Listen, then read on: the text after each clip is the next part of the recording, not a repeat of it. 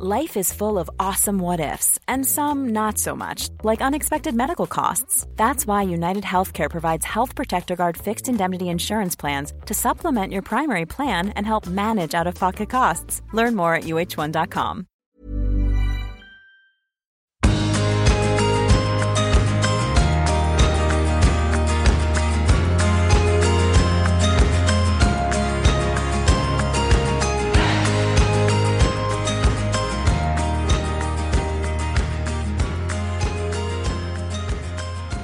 Velkommen inn til Du er unik-podden. Jeg er Unni, og i dag så er jeg så heldig å ha fått besøk her i denne lille hula mi.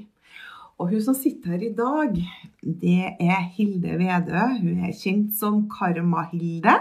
Hun er en gründer, hun er en misjonær, hun er et forbilde for så mange jenter. Tobarnsmor, og hvis du googler Karma-Hilde, så var det første som kom opp oppdater din garderobe. Så velkommen inn til meg, Hilde. Du, tusen takk, Jenny. Veldig hyggelig å være her. Ja, og jeg synes det er så spennende med deg, for jeg, jeg, kjenner deg ikke. Jeg vet hvem du er, og følger deg. og ser deg på avstand. Så det å få et dypdykk i hvem du egentlig er, det syns jeg er veldig koselig i dag. Da. Ja, det er hyggelig, vet du. Ja. Så hvis vi begynner da med at du kan beskrive deg sjøl, for at nå jeg hører stått noen ord på deg som er offentlig, med denne gründeren og visjonæren og forbildet og alt det der som mm. står om deg. Men eh, hvis du skal beskrive deg med noen ord, hva vil du si? Hva skal jeg si, da? Jo, jeg er en eh, engasjert, energisk dame, vil jeg si. Eh, som er ekstremt eh, glad i familien min, og som verdsetter gode vennskap. Liker å holde meg i form. Elsker humor i hverdagen. Og ikke minst selvfølgelig elsker jobben min. Ja. ja. Så jeg har jo drevet og stalka deg mm, i går kveld. Det har du, vet du. Ja, For at eh, jeg måtte jo ha litt bakgrunnskunnskap om det. Så jeg har jo drømt om deg i natt. jeg våkna grytidlig og bare drømte om Hilde. Karma-Hilde. Og det var en god drøm. Og, Så bra. Ja. og det som jeg, det som jeg fant eh, sånne ord, da, hvis du skal lage ei ordsky om mm. folket, og så får du vennene dine, kollegaene dine til å si noen ord, og så blir det ordsky. Mm. Og det som kommer opp fra dem som har skrevet til deg, det er hel ved. At du er hel ved. Mm. Og at du er gladjente. Du alltid blir. Smiler til alle. Du er raus. Og du snakker rett fra levra. Ja, det gjør jeg. ja. Og så er du positiv og nydelig. Å, det var hyggelig, da. Du er en rødtopp. Ja. Sånn ginger. Ja, ginger. Ja. Ekte ginger. Ekte ginger. Ja. Veldig, veldig fin. Ja, takk. Ja. Og eh, hvis en da skal finne ut hvem som er bak hun herre Karma-Hilde, da, og eh, vi skal jo snakke litt om eh, karrieren din og jobben din, for det er jo det du brenner veldig for. Mm. Men hvis en skal begynne å se litt bak liksom, hvem Hilde er, og sånn, så har jeg lyst til å starte litt med barndommen din. Mm. Hvilken jente var du når du var lita jente? Jeg var veldig rampete, faktisk. Var du det? ja, jeg var faktisk veldig rampete. Um, uh, herregud. Um, jeg var en lystløgner. Ok. og jeg husker det kjempegodt. Ja. Helt fra barnehagealder. Um, av og til så syntes jeg det var veldig kjedelig å være i barnehagen. Og barnehagen var rett opp med der mamma jobba, og jobba på en blomsterbutikk. Kirsten Saren Blomster i Inderødsveien. Ja. Um, og den gangen så trodde jeg at de som jobba i barnehagen var så strenge som nå. For jeg kunne finne på å si at uh, vet du, i dag Mari, så er jeg invitert til bursdag, så jeg må gå klokka to i dag. Og de bare ja, ja. Og de visste jo at mamma jobba bare rett borti gata. Uh, så uh, gikk nå hjem klokka to, eller gikk på jobben til mamma. For nede i kjelleren eh, der var det masse rart. Altså det var masse tørka blomster, og det var disker. Og så å stå der fra klokka to og leke butikk, det var artigst jeg visste. Men når jeg da kom i barnehagen dagen etterpå, eh, mamma følger meg da, så sier de ja, var det, var det koselig på bursdag i går da, Hilde? Og mamma bare 'Bursdag? Ja. Har hun vært i bursdag?' det, var en det var sånn typisk meg. Akkurat, Ja. ja. Og så har jeg Kreativ. Alltid, ja, veldig kreativ, faktisk. Ja. Og så hadde jeg en drøm om når jeg var mindre at vi hadde svømmebasseng. Jaha. Eh, Jeg husker det ennå. Vi satt inne i dukkestua til ei venninne i nabolaget. Eh, Jeg vet ikke hvor mange, vi var, at vi var ti stykker. da. Og da klarte jeg faktisk å lyve på meg at vi hadde svømmebasseng. Um, og da ville jo selvfølgelig alle sammen komme på besøk. Alle sammen for å skifte, hadde på seg badedrakt. Eh, og da sto det plutselig en haug med unger utenfor huset. Og da mens de har skifta, så har jeg stått og kverna om hvordan i alle dager skal jeg komme unna den løgnen her. Um, så når døra, det ringte på døra, og mamma liksom bare Ja, hva skal dere da? Nei, vi skal i svømmebassenget til Hilde. Så altså, mamma, kan du kjøre oss i pirbadet?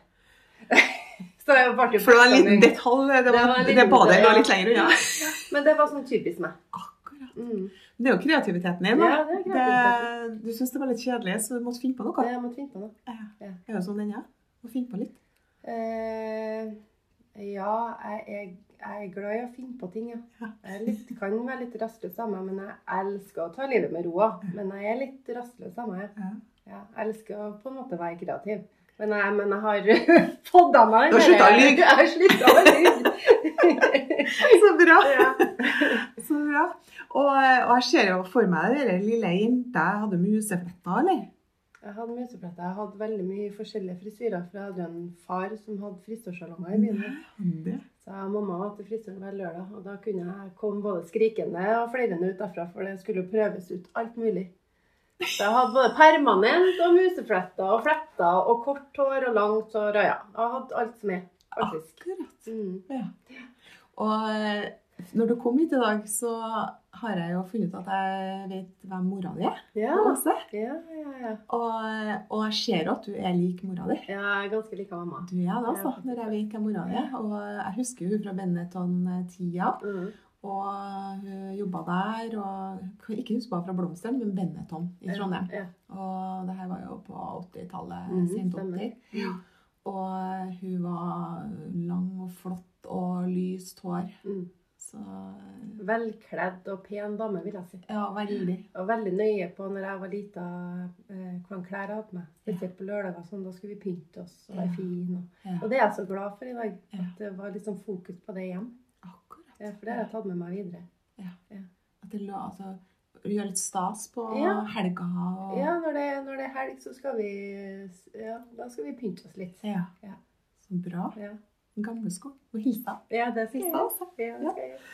Så, og så gikk det da opp til tenårene og sånn. Hvordan Mm. var du som tenåring, da? Kanskje jeg skulle spurt deg også om det, men Um, hvordan jeg var som tenåring? Nei, jeg, altså, jeg var vel ikke, jeg var vel ikke greiest i, i verden. Men, eh, men eh, Nei, jeg var vel som tenåringer flest, da.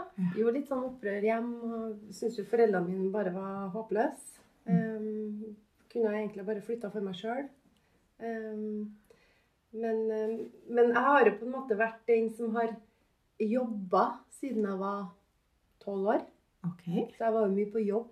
Eh, mamma hadde jo blomsterbutikk på, på Moholt, så jeg var jo mye der etter skolen og sånne ting. da. Men, eh, men eh, Og så var jeg vel den typen så jeg hadde jo rødt hår og fregna og var bleik og var ikke den som ble brun. og eh, så jo opp til alle de andre som kunne bli brune om sommeren og hadde en annen hårfarge. og ville gjerne være i den kuleste gjengen. Var kanskje ikke det, men prøvde så godt jeg kunne. Jeg har aldri vært eh, mobba eller noe, men eh, så opp til liksom dem som var pen og fin. og ja. Så prøvde jeg på en måte å ta det litt igjen med at kanskje jeg hadde kule klær og litt sånn. da. Prøvde liksom for harde livet å komme inn i den kule gjengen. Ja. Så hvis det er noen sånne veldig unge jenter som hører på oss nå, da Mm. For det, det er jo veldig vanlig. Ja, det Når vi er tenåringer, vi vil jo alltid være som de andre. Mm. Og det er vi kanskje tendens til nå òg. Mm. At har du sånn hårfarge, så la den andre hårfargen sånn Har du, Har du krøller, så vil du ha stritt hår. Ja. Har du stritt hår, vil du ha krøller. Riktig. Sånn. Ja. Og det, det, vi har litt vanskeligheter med å godta oss sjøl som vi er, og, og heller elske det vi har, da. Mm. å- Mm. Så hvis vi skal si noe til disse unge tenårene, så er det jo det å prøv i hvert fall å bli fornøyd og glad i akkurat som du er, for du er jo god nok som du er. Absolutt. Ja. Altså Bare vær deg sjøl. Du kommer så langt med å være deg sjøl. Ja. Ikke på en måte prøve å være noe du ikke er. Nei. Og da er det jo dette eventyret da, med Hans Andersen med den eh, stygge andungen Mm. som ble til den flotte svanen. Mm. Og det er ganske vanlig. Mm.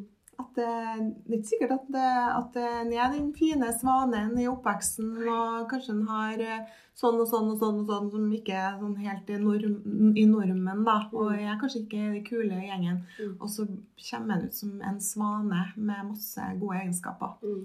Så eh, det er aldri for sent å blomme. det er aldri for sent. Nei. Nei. Bra. Og så, eh, du jobba, sa du. Hva, hva jobba du med når du var så ung, da? Altså, Jeg kommer fra en gründerfamilie, så jeg var Altså, pappa hadde jo eget firma. Eh, der hjalp jeg til å skrive Da skrev man jo eh, utapå konvoluttene for hånd hvem brevene skulle til, så jeg hjalp til med sånne ting. Eh, Jeg hjalp til å rydde på lageret.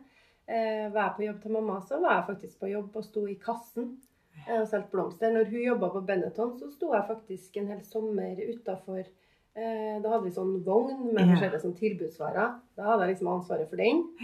Um, men jeg syns det var utrolig artig å, å hjelpe til, og ikke minst eh, på en måte holde på med butikk.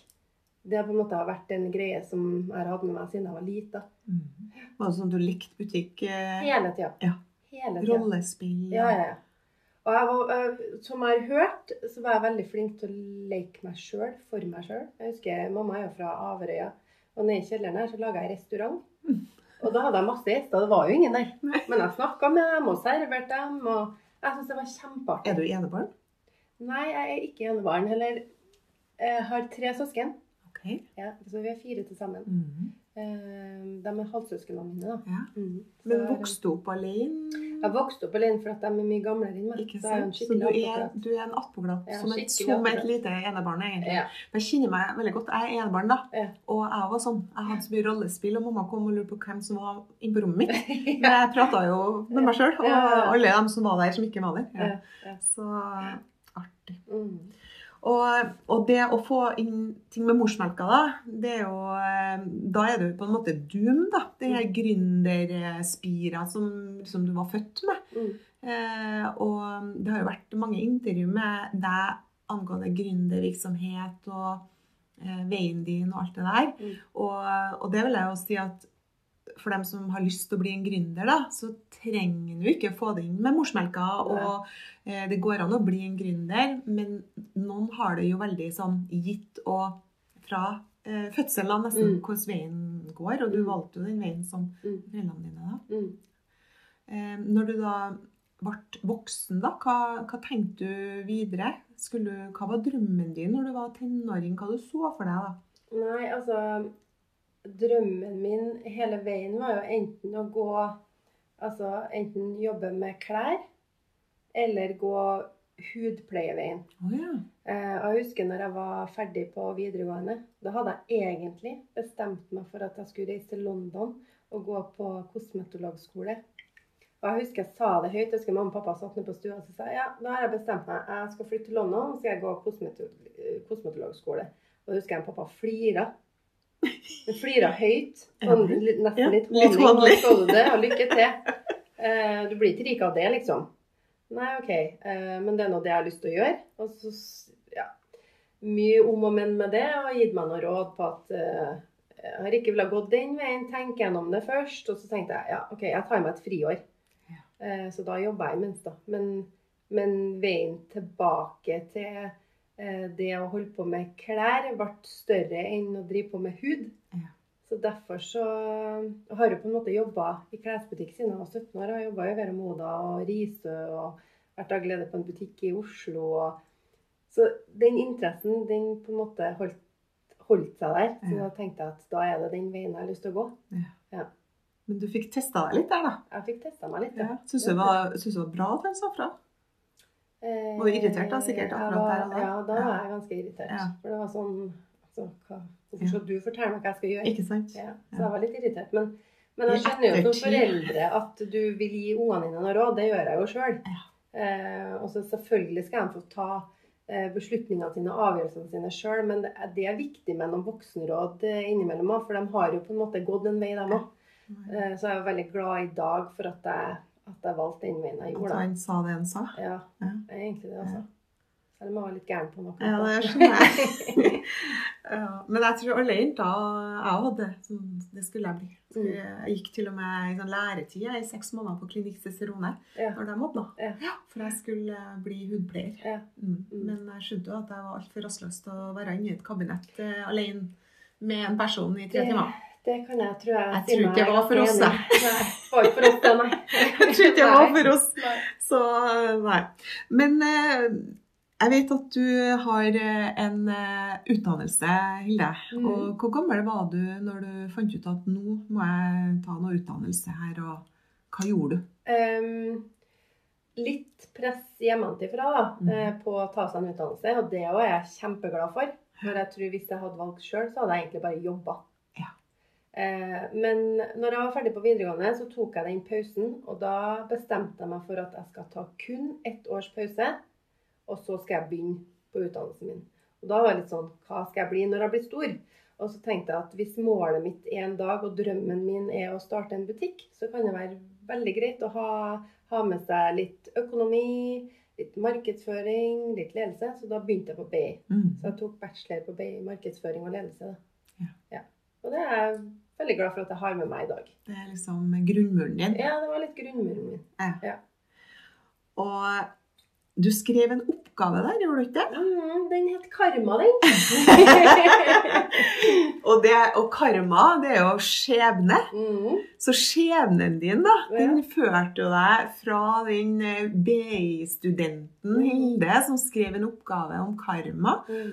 Og eh, i dag så er du da eier og driver av Karma klær her i Trondheim. Fortell litt om BI og den oppgaven, og hva skjedde der Ja, hva skjedde der? Nei, altså, jeg var jo på gruppe med, gruppe med som heter Vibeke. Eh, og vi skulle da liksom finne tema for hva vi skulle skrive om. Og som Hun hadde jeg gått sammen med i, i faktisk bare et år. Og så sa jeg at jeg har en drøm om å starte butikk. Eh, og for meg så hadde det vært fantastisk om vi kunne ha skrevet eh, en oppgave om eventuelt er det marked for en sånn type butikk i Trondheim. Og hun var helt med på det, så da pendla vi faktisk begge to da, frem og tilbake til Trondheim. Eh, og tok markedsundersøkelser og hadde intervju med kjøpmenn her i byen. Harald Haltvik, Jens Otto Hoff. Ehm, ja, og leverte inn den oppgaven da, eh, som da het Karma. da. Eh, også den sommeren når vi leverte inn oppgaven, eh, så ringer Harald Haltvik meg og sier eh, vet du hva, jeg har sånn trua på deg, du må starte butikk. Så sa jeg at ja, det er målet mitt en dag, men fortsatt ung, så har jeg lyst til å få meg litt mer erfaring. Og han bare Nei, vet du, jeg har skikkelig trua, du må bare gjøre det. Jeg vet av et lokal i byen. Og hvor gammel var du da? Da var jeg, skal vi se, da var jeg jo 22, da. Mhm. 22 år, ja. Eh, og så sa jeg at OK, eh, jeg skal tenke over sommeren, og så kommer jeg tilbake til det. Og så snakka jeg med foreldrene mine. Jeg var jo ung, jeg hadde jo ikke noe penger. Så det var liksom sånn Hvordan skal jeg få eh, økonomi og alt det der til å gå opp? Um, snakka med foreldrene mine, og så sa han pappa at eh, jeg kan låne deg pengene. Men det blir som et banklån. Mhm. Du skal betale tilbake med renter og bla, bla, bla. Og han kjente jo Harald Altvik, så de snakka sammen. Og liksom, ja, jeg er villig til å investere. Um, men så fant jeg ut at ok, jeg hadde fått meg jobb, da. Jeg hadde fått tilbud om jobb som daglig leder på Voice of Europe på Byporten i Oslo. Så tenkte jeg at jeg tar den jobben, og så jobber jeg mens jeg planlegger og eh, liksom konseptet mitt og hva jeg skal gjøre og sånne ting. Um, så mens jeg gjorde det, så planla jeg faktisk eh, altså karma-universet mitt. da. Samtidig som jeg jobba som sjef på den butikken. Og alle har vi drømmer, og jeg snakker jo mye om drømmer og den podden her, og det handler jo litt om jenter som har fulgt drømmen sin. Mm. Og, og det er jo utrolig spennende med denne livslinja di, da, med den lille jenta som likte butikk, Mm. som egentlig var doomed til å bli en gründer. Ja. Og så blir du tvunget til BI nesten, Mm. at du må ha en utdannelse, og så skriver du en oppgave og Mm. begynner. For drømmer eh, det, altså, brua mellom drømmer og, og det som eh, da blir til virkelighet, det er jo den her planlegginga Mm. og sette seg mål, og Mm. også action, da. Mm. Så det du, det du kom nå, da, i livet ditt, det var planlegginga og begynne å målsette Mm. en drøm. Mm. Så det er et godt råd til lytterne at eh, drømmer blir bare drømmer. Yeah. Hvis ikke du gjør action på det. du må gjøre action, reaction, ja. Det. For det er så mange som går og sier 'jeg skulle ønska'. Mm. Og jeg er drømmer om. Ja, jeg skulle ønska. Og enn om jeg kunne ha vunnet Lotto. Mm. Og hvis du venter på det, Mm. så går livet. Så du må ha action. Og, og det, det du gjorde, da, du skrev oppgave, og så hadde du en plan, da. Mm. Jeg hadde en plan. Jeg hadde Ja. jo allerede skrevet en forretningsidé og, og på en måte skjedde for meg hvordan type konsept jeg ville ha. Hadde en liten formening om hvordan butikken skulle se ut. og Merkene jeg drømte om, sant, og alt det der. Så egentlig når, eh, når jeg flytta hjem, da, så hadde jeg egentlig alt klart i hodet mitt. Men så møter du jo ganske mye dumper på veien, da, for at eh, den lista over merker som jeg ville ha, det, altså, det var mye nei. For det er ikke bare å bestemme det. Nei, det var ikke bare å bestemme det. Noen, noen av merkene var jo allerede i Trondheim fra før. Ja. Eh, så det var noen skuffelser, da. Så det var liksom bare å Ja, ja, sånn er livet. Da må vi finne noe nytt. Eller noe annet. Da var det snu. Ja, Snu det seg må rundt. Ja. Men i dag så er vi jo så privilegerte at nå står de og banker på døra og vil inn. Ja. så der er det jo snudd helt. Og, og veien fra der du er i dag, med suksessen din, og at de står og banker på til deg og Mm. vil ha merkene sine inn, fra der du starta, der du sto og bedde på Mm. dine knær, Mm. der har det jo vært, som du sier, mange humper i veien. Ja, det har det. Og har du noen gang hatt lyst til å gi opp? Åh, mange ganger. Altså eh, Man har jo en drøm og et stort ønske når man gjør det her, å få det til. Og man har jo trua på at man skal få det til. Men det er jo ikke sånn at du, du tar opp gitteret, og så strømmer kundene på. Det er mye jobb som ligger bak for å få kundene inn i butikken. Eh, og ikke minst så koster det ekstremt mye penger med husleie, du skal kjøpe inn klær. Og så hvis ikke kundene kommer, da, Ja. Så, så ble det røde tall. Ja. Og det hadde vi faktisk fra 2003 til 2008 var det første året der det ikke var røde tall. Da. Og da, det var fem år med blod, slit og tårer. Ja. Det var faktisk. Og selvfølgelig veldig mye press hjemmefra, for pengene hadde jeg lånt. Ja. Eh, Så i 2007 så sa han pappa at eh, nå kan ikke jeg låne deg noe mer penger, for dette skal du betale tilbake til meg. Eh, Nå, vi, nå er kroken på døra. Og da var det sånn, Jeg husker jeg skreik mine edle tårer. og bare, Jeg bare visste at jeg skulle få det til. Jeg bare visste ikke helt hvordan jeg skulle få det til, men jeg bare jeg hadde sånn trua.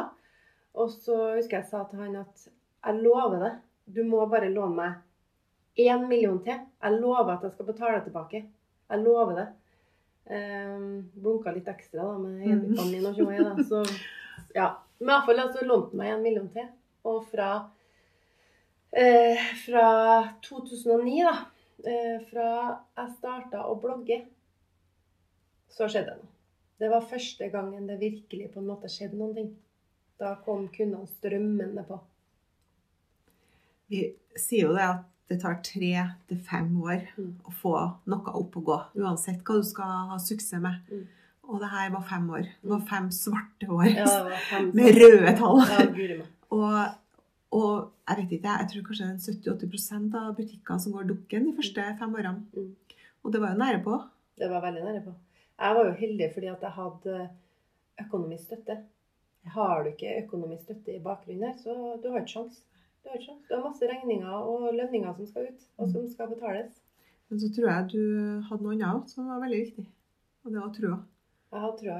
Aldri Du- mista trua. Og det så faren din. At du, for du kunne ha booka deg. Du kunne ha slått ned øynene og sagt at OK, Jeg kan finne på noe annet. Men, eh, men Ja. det var ikke, jeg var ikke, Du var jeg ikke i inne tvil. tanken engang. Jeg bare visste at mm, jeg skulle få det til. Jeg hadde sånn trua. mm, Og jeg hadde jo allerede, da hadde jeg jo begynt å få omsetning. Eh, det var bare sånn at jeg var ung. mm, Jeg starta kanskje litt for tidlig. Jeg hadde ikke jeg hadde jo ikke vært med på innkjøp før, så det som skjedde var at jeg kjøpte inn for mye varer. Ja. Så alle pengene lå jo knytta opp i varelager. Eh, det gjorde jo at det var jo bare røde tall, sant. Og, og det var jo ikke penger på konto. Nei. For regningene skulle jo betales. ja. Ja. Så det var en eh, bratt læringskurve, da. Men eh, har lært sinnssykt mye på veien. Ja. Virkelig. Så budskapet i den lærdommen din, da, det er jo å ha altså Hvis ikke du har trua, så er det ingen andre som har tro på deg heller. Nei. Så hvis du skal være gründer og starte opp noe, så må du ha 100 trua sjøl. Og så må du stå i det Mm. når rødtallene er her, og når alle andre har eh, sagt natta. Mm. Så må du ha lyset på. Det må du. Ja.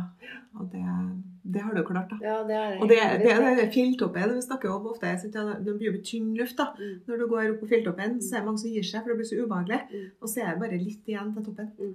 Og du var Du må aldri gi opp. Nei, aldri gi opp. Nei, aldri gi opp. Hvis det er noe du har tro på, så Hvis du har satt deg et mål, altså gå all in. Ja. Gå all in. da går det. Og du må tåle. Du må tåle at det er blod, slitt og tårer. Du må tåle at det er motstand. Du må tåle at det, det, ting ikke går sånn som du hadde tenkt. Ja.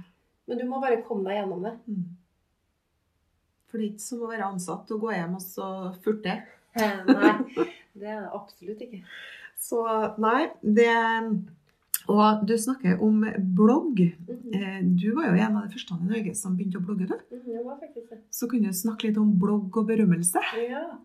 Vet du, jeg er litt sånn som eh, veldig sånn impulsiv av meg. Så jeg var hjemme i mammapermisjon i 2009.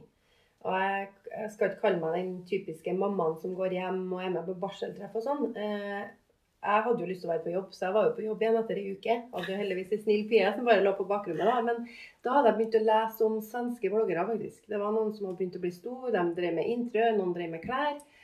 Og så var det sånn Altså, jeg hadde litt ekstra tid, for jeg hadde jo egentlig ansatte på jobb. Ehm, og så tenkte jeg jeg har jo en hel butikk jeg kan vise frem. Kanskje jeg bare skal starte en blogg. Eh, og det var da vi kom Da kom jeg frem til Hilde Ikke Karma-Hilde, men Hilde-Karma. Vet ikke hvorfor. Heiv meg uti det. tenkte jeg jeg begynner nå bare i smått. Tok med meg kamera på jobb. Eh, Emilie lå på bakrommet i vogna si og begynte å knipse bilder i speilet. da. og så var jeg så heldig at det var ei dame nede i Hønefoss eh, som var en, blitt en ganske stor interiørblogger, faktisk. Som snappa meg opp, og som skrev om meg på bloggen sin. Og dermed så var det gjort. Hmm. Da plutselig begynte telefonen å ringe. Og ringe og ringe. Folk skulle ha stjerneskjær fra Beck Søndegård. De skulle ha buksa på Det var den tida, det. Stjerneskjerf Ja, ja, ja, ja.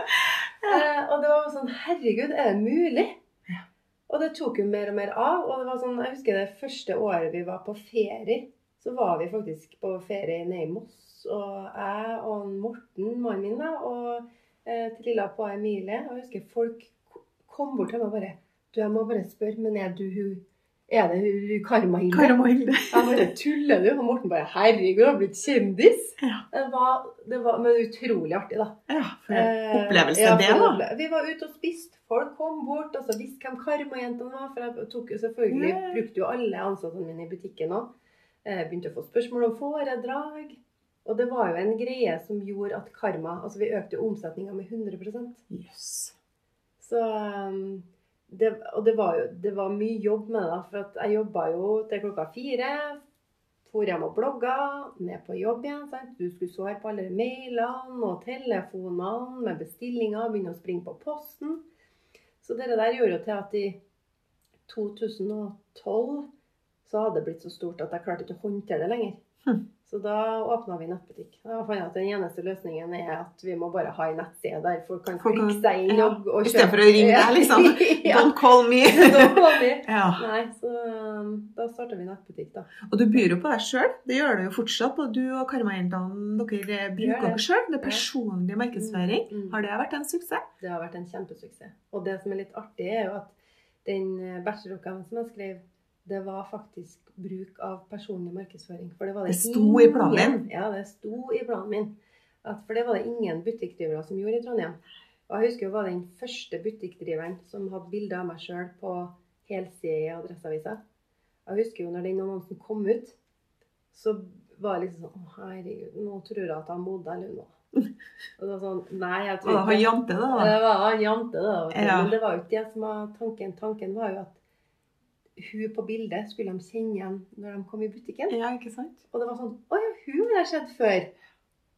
Så det var liksom Det var det som var hele hensikten med Ja. den personlige markedsføringa. Ja. Og det var jo det jeg dro med meg videre. Så når kundene på en måte på, på reisen opp igjennom årene har kommet inn i butikken fra Gud og en hvermannsplass i landet her. Mm. Og bare Kan jeg få ta et bilde med dere? Jeg føler at dere kjenner Jeg føler at dere kjenner dere. Da er jeg sånn OK, det var riktig. Ja. Det jeg gjorde, var riktig. Ja. Og så brydde ikke jeg meg om at folk tutra på sidene. Jeg bare tenkte OK, nå tar jeg på meg skylappene, og så skiter jeg i hva folk sier. Mm. Jeg skal bare følge drømmen min og tenke på at det som jeg hadde planlagt, det stikker to it. Vær tro til planen. Ja, vær tro til planen. Ah, tror jeg. Ja. Og, og janteloven, du har jo vært ramma av den, Ja. som veldig mange andre. Og, og det er så bare drit i det, liksom. Altså, jeg hadde, hvis jeg skulle ha hørt på det som har blitt sagt opp igjennom, så har jeg aldri vært der jeg har vært i dag. Nei. Så det har jeg aldri brydd meg om. Bare putte på seg blinders og skylapper og alt og bare gå. Hun kommer aldri til å få det til. Hun kommer aldri til å gå. Det er sånn. Og da blir det sånn OK, sier du det? Jeg skal love deg, jeg skal vise deg, jeg skal få det til. Og da er det sånn ekstra deilig. Watch me. Ja, watch me.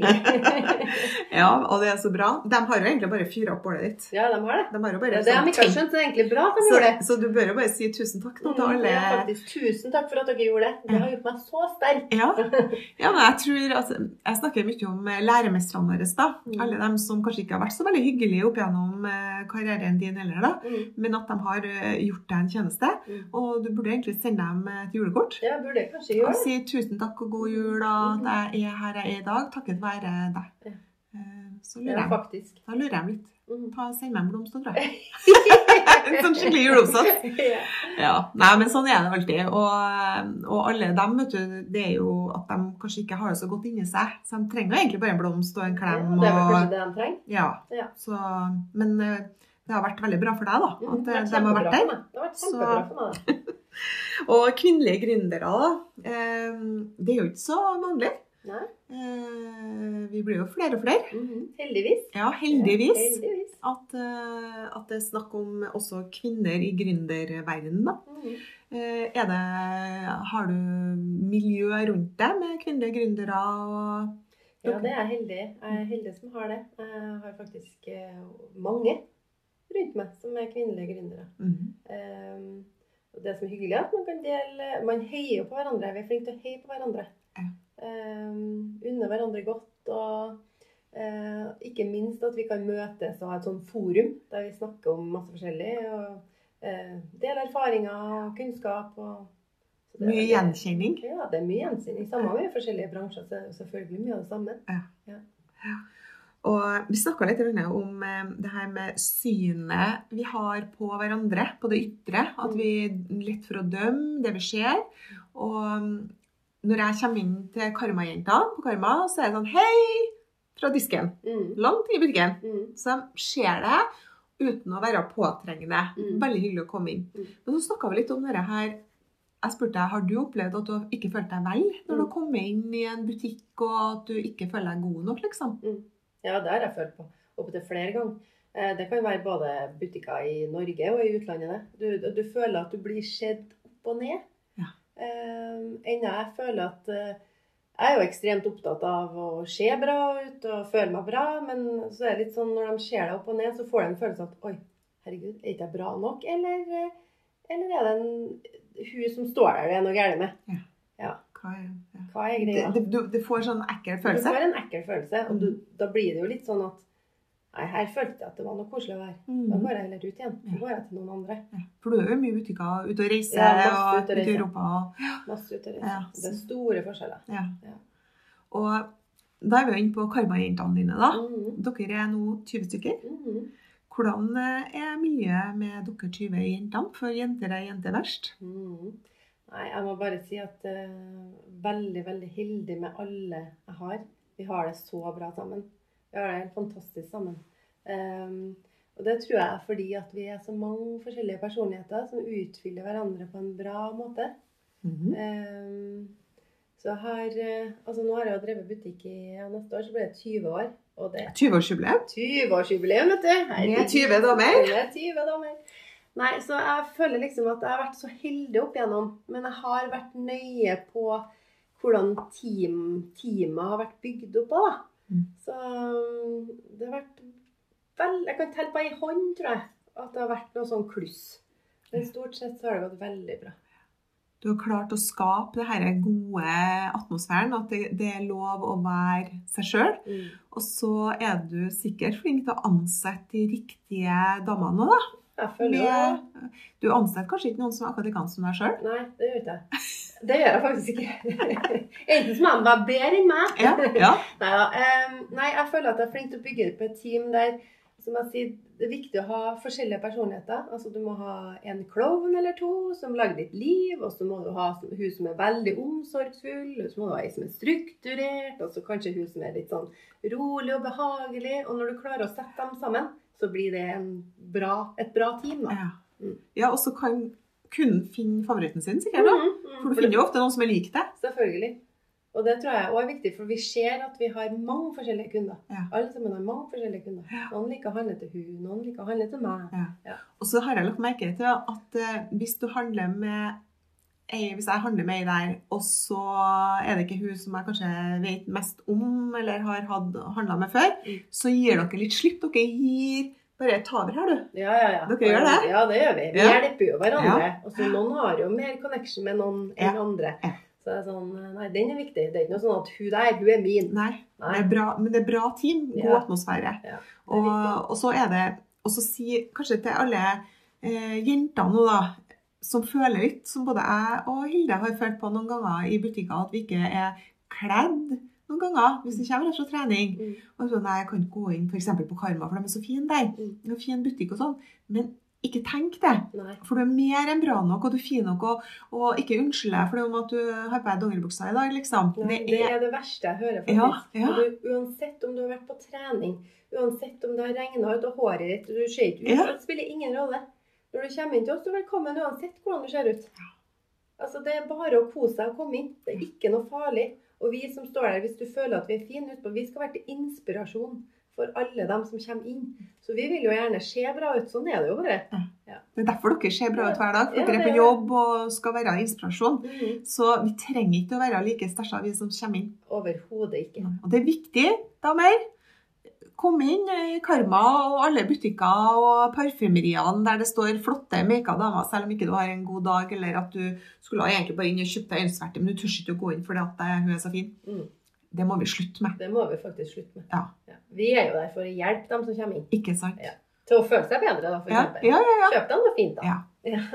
Ja. Jeg, bruker jo å si at klær skal være på blå resept, for det hjelper jo for alt. ja, det gjør faktisk det. Jo, eh, nå er det ikke alle som er enig med meg i det, da, men eh, det er litt flåsete sagt. Men jeg syns også det er en kortvarig lykke. Men det er veldig artig å kjøpe seg noe nytt da, og føle at du fortjener det. Så, så dere sprer jo lykke. lykke sprer, Ja, vi- men det vet vi. Vi har mange som kommer inn og sier at jeg har en dårlig dag, jeg må bare kjøpe litt lykke. Ja, de sier det, ja. Så går de ut med et smil. ja. Ja. Karmapose. Karmapose, vet du. Ja. Mm. Så bra, så bra, så bra. Jeg tenkte jeg skulle spørre om du kan reflektere litt om du føler at du har gjort noe som har vært veldig meningsfullt i det siste. Kan du komme på noe som å, dette var meningsfullt for noen andre eller for deg? Mm. Oi, skal vi se, har jeg gjort noe meningsfylt? Nei, tenke. Mm. Eh, hva kan det være? Jeg føler at jeg gjør litt sånn meningsfulle ting litt innimellom. Da. Det, kan- det kan være små, små ting. Sånn som eh, jeg har en svigermor som ikke er helt i formen. Så på, på lørdagen så var jeg og Julie, dattera mi, og kjøpte blomster og litt sjokolade. Og la igjen på døra hennes og skrev liksom et kort med god bedring, og vi tenker masse på deg. Og bare litt sånn små ting i hverdagen. Eh, som gleder noen andre. Så bra. Mhm. Og så blir du glad sjøl. Ja, og det føles så godt. Ja. Å bare vite at uh, Bare si til den andre personen at jeg er her. Jeg tenker på deg. For den, vet jeg er der hver dag, så er du i tankene mine. Ja. Um, andre ting? Meningsfulle ting? Mm. Du gir jo veldig mye av deg sjøl, Hilde, i jobben din. Mhm. Og um, jeg har jo sett deg i, i action. Vi var samla her på Britannia med jentene dine og noen mannekenger og visse klær og sånn. Mm. Så jeg ser hva, hva du gjør Mm. på avstand. Mm. Du er en leder, eh, men en god leder, ikke en sånn sjef. Mm. Du sjefer ikke. Nei, Du er bare er en som leder vei Ja. og viser vei og Mm. inspirerer med den personen du er, og de ser opp til deg, og da får du resultater Mm. på dem rundt deg. Og folk syns det er godt å omgås deg.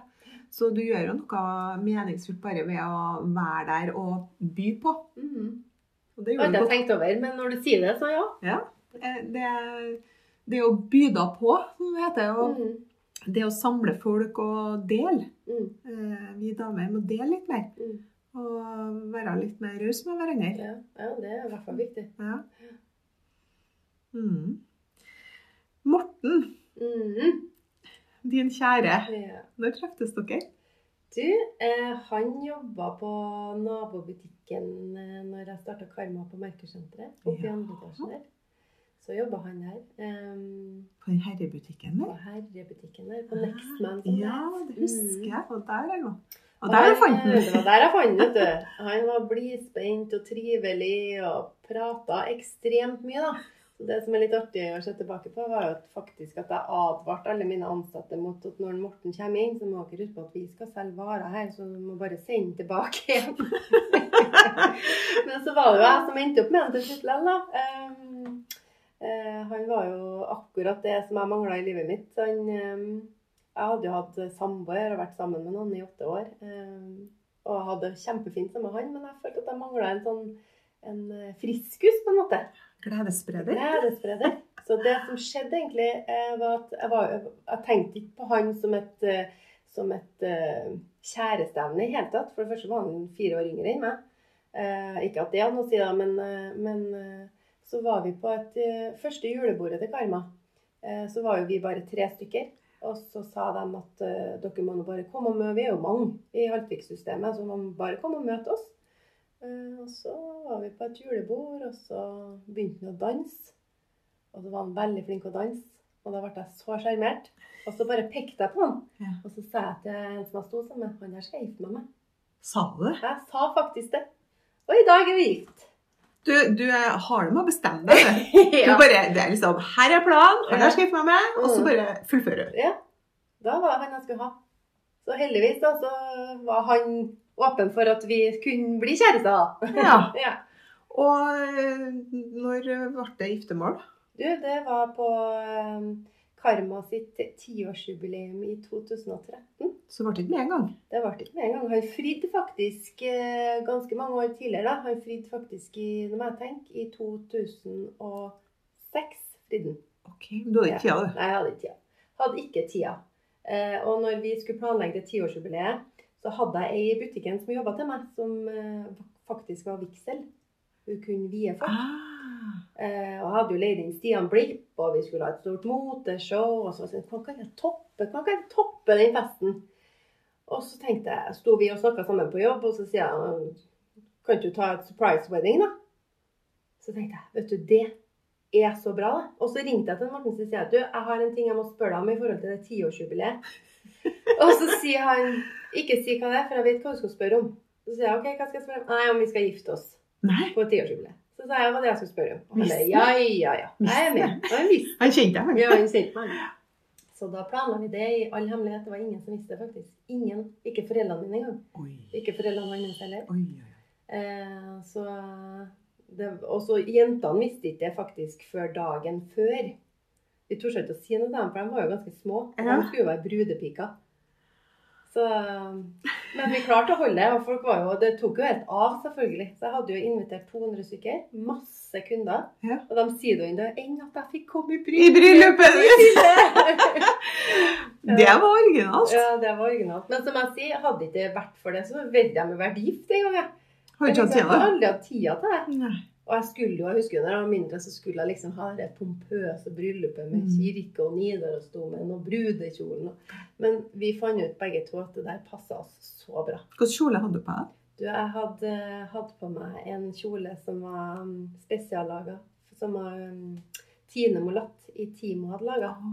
Så jeg hadde bare visst av Grace Kelly. Ja. Eh, så sa jeg at jeg vil ha en brudekjole som ser sånn ut. Og så var hun på loftet og fant en vintage topp. Og så mens jeg hadde på den, så sto jeg og klippet og bare tok silke på silke rundt hele meg. Den var i India tre ganger for å få den perfekt i fargen. Det var masse perler. Jeg har aldri følt meg så fin. Nei. Har du tatt vare på den? Jeg har tatt vare på den. Den henger i kjelleren. Jeg har fått noen av jentene mine. Jeg kan Ja. bruke den en dag, for den er så fin. For du og Morten har jo fått to vakre jenter, da. Mm. Det ser ut som det er en mor og en far der. Ja, det stemmer. Emilie er veldig lik mammaen sin, og Julie er veldig lik pappaen sin. Emilie, det er hun er eldste. Det er hun eldste på 17 år. Ja, Mm. 17 år, og Julie Hun er 13. 13 år, ja. Mm. Så de er sånn tenåringer ennå. De er tenåringer ennå, ja. Mm. Begynner å gå over litt, det er hun største nå, men nå er jo hun andre på vei inn i te- tenåringsverdenen. Hun Ja. merker litt det, da. Men det vil jo si, eller hvis jeg eh, er ikke så god i matematikk, men hvis jeg regner meg tilbake nå, så fikk du jo barn midt oppi rødtallene dine, du. Mm, jeg gjorde det. Det var tøft, det. Det var tøft, ja. Det var skikkelig tøft. Det var kjempetøft. Jeg husker Pappa var nesten litt sånn nervøs når han skulle gi meg noe råd og liksom skulle si til meg at vet du, dette her går ikke lenger. Da var jo jeg gravid. Og han var, jeg husker han sa det til meg i ettertid at herregud, jeg, var, jeg syntes det var så ekkelt å skulle si det der til deg, for jeg visste jo at du hadde baby i magen. Og, men eh, det var bare å stå i det. Mm. Jeg hadde jo trua på det jeg skulle gjøre. Det, og jeg, jeg var jo sånn, eh, som jeg sier, jeg var ikke den typen som kom til å gå hjem, det visste jeg. Mm. Så hvis jeg fikk et snilt barn, så hvorfor ikke bare ta med seg Vi var jo på messe når jeg var tre uker i København. Ikke sant? Ja, da var Morten med og passa på og trilla mens jeg for og kjøpte varer og alt er mulig. Alt er mulig. alt er mulig, hvis du bare vil det nå. Ja, ja, ja. Men hvordan har det vært å ha en mor som deg, tror du? Du har jo vært masse ute og reist og sånn. og Hvordan har det vært for jentene? Har dere snakka om det nå når de har blitt så store? Nei, vi har ikke snakka noe om det, men jeg tror og håper at, eh, at de ser opp til meg. Og jeg prøver jo liksom å være mamma, sånn 100% mamma når jeg er hjemme. Mm. Eh, og jeg husker jo sjøl hvordan jeg så på mine foreldre. Jeg husker av og til at jeg syntes det var så fantastisk når jeg var på, på fotballkamp, for eksempel. Så var det så mye foreldre som alltid var til stede, som alltid bakt. Så tenkte jeg å, sånn. Og det var så koselig å ha sånne foreldre, for jeg hadde jo gründere som Mm. foreldre. Mm. Men jeg husker en pappa sa alltid til meg at du skjønner når du blir voksen. Ja. Du skjønner når du blir voksen. Og jeg husker jeg irriterte meg at han sa det bestandig. Mm. Og så ble jeg akkurat like han sjøl. Eh, men de har fått vært med hele veien. De Mm. har vært med sånn som jeg fikk lov til. Mm. Eh, så det er ikke at jeg, jeg er jo mye borte når jeg reiser, selvfølgelig. Mm. Men jeg føler at for det om jeg reiser mye, så er jeg i hvert fall 100% mamma når jeg er hjemme. Da. Eh, så jeg føler egentlig at, at det har gått bra. Ja. Eh, og så håper jeg at, at de ser at ting kommer ikke av seg sjøl. Og det prøver jeg å si til dem. Og det er ikke sånn at pengene bare detter ned fra himmelen. Altså, det, du må jobbe. Kommer ut av veggen. Ja. Av og til så skulle en tro at de trodde det, men, eh, Mm. men altså, du må jobbe for å få til noen ting. Um, og det tror jeg at de ser. Mm. At vi kan unne oss litt fine ferier. Og vi Det har vært verdt det, liksom. Det har vært verdt det. Mm. Jeg tror de koser seg med det òg. Så Så bra. mm. Hva er favorittlandet ditt? Oi. um, favorittlandet mitt, ja. Og, nei, jeg må jo si Frankrike, da. Mm. Som nummer én, ja. Jeg er glad i Frankrike. Den sjarmen som Frankrike har. Ja.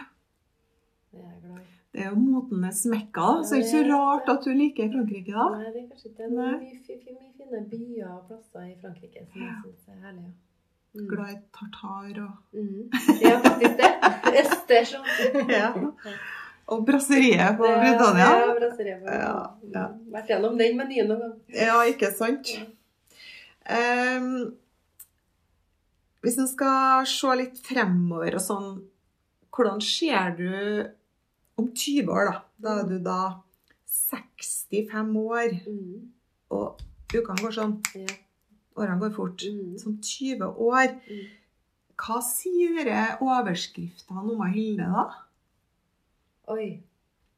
Hva sier folk, da? Ja, hva sier folk da? Nei, da sier de at uh, det var noe hun som bygde opp Karma, og, og karma.no starta sitt eget klesmerke, Heal Studio, som da selvfølgelig har blitt en av landets eh, favorittmerker til damer. da.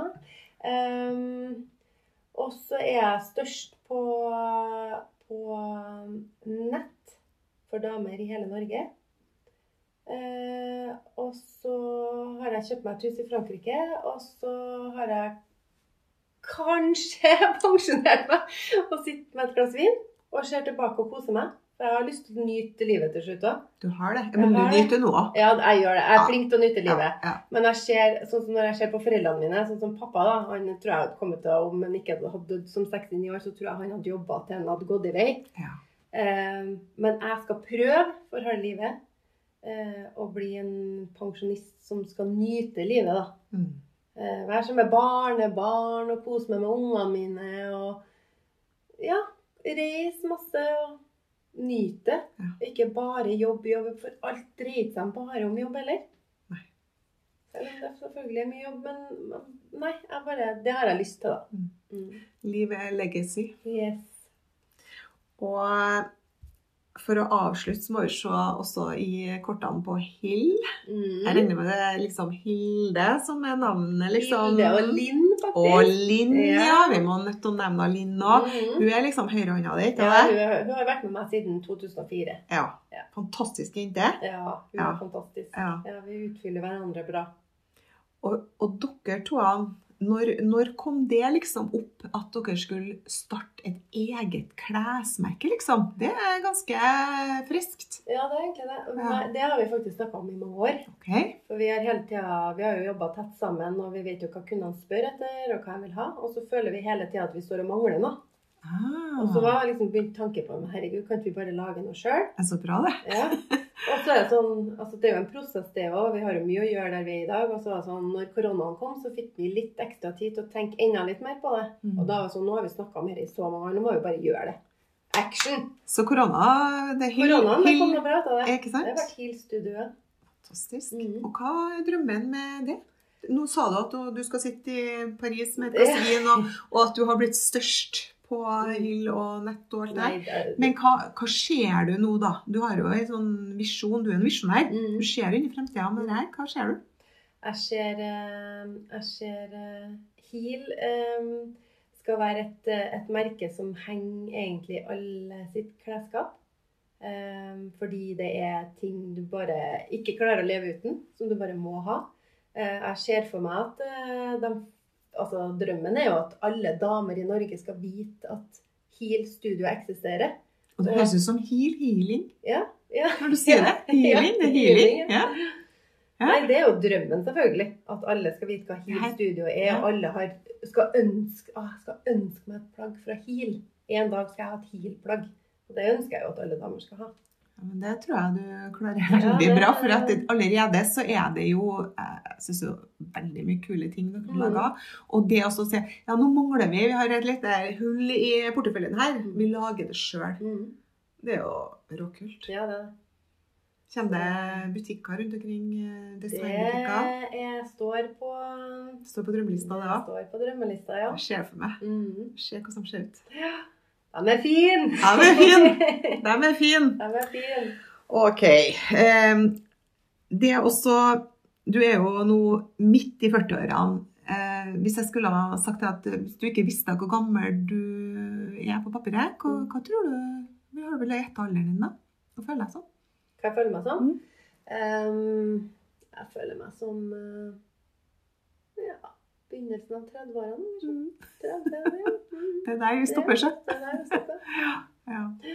Og hvis en skal si noe til lytterne nå fra Hilde, fra Hilde Karma, Karma Hilde, Mm. så skal du gi et godt råd til medsøstrene dine nå. Mm.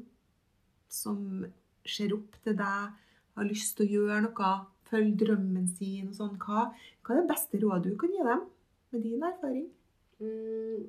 Jeg tenker at når du, når du setter et mål, um, så må du, da må du jobbe for å nå det målet. Aldri gi opp. Og aldri la noen fortelle at du ikke får det til. Og hvis det er noen som gjør det, så ikke hør på det.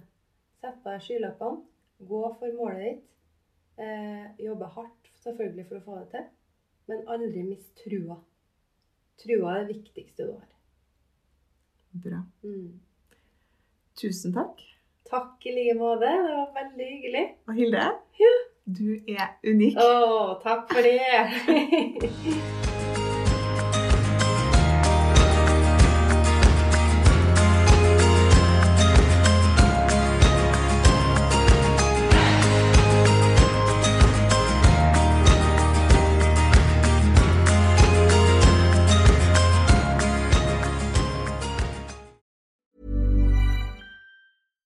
Deserves the best, and there's no better place to shop for Mother's Day than Whole Foods Market. They're your destination for unbeatable savings, from premium gifts to show-stopping flowers and irresistible desserts. Start by saving 33% with Prime on all body care and candles. Then get a 15-stem bunch of tulips for just $9.99 each with Prime. Round out Mom's menu with festive rosé, irresistible berry chantilly cake, and more special treats. Come celebrate Mother's Day at Whole Foods Market.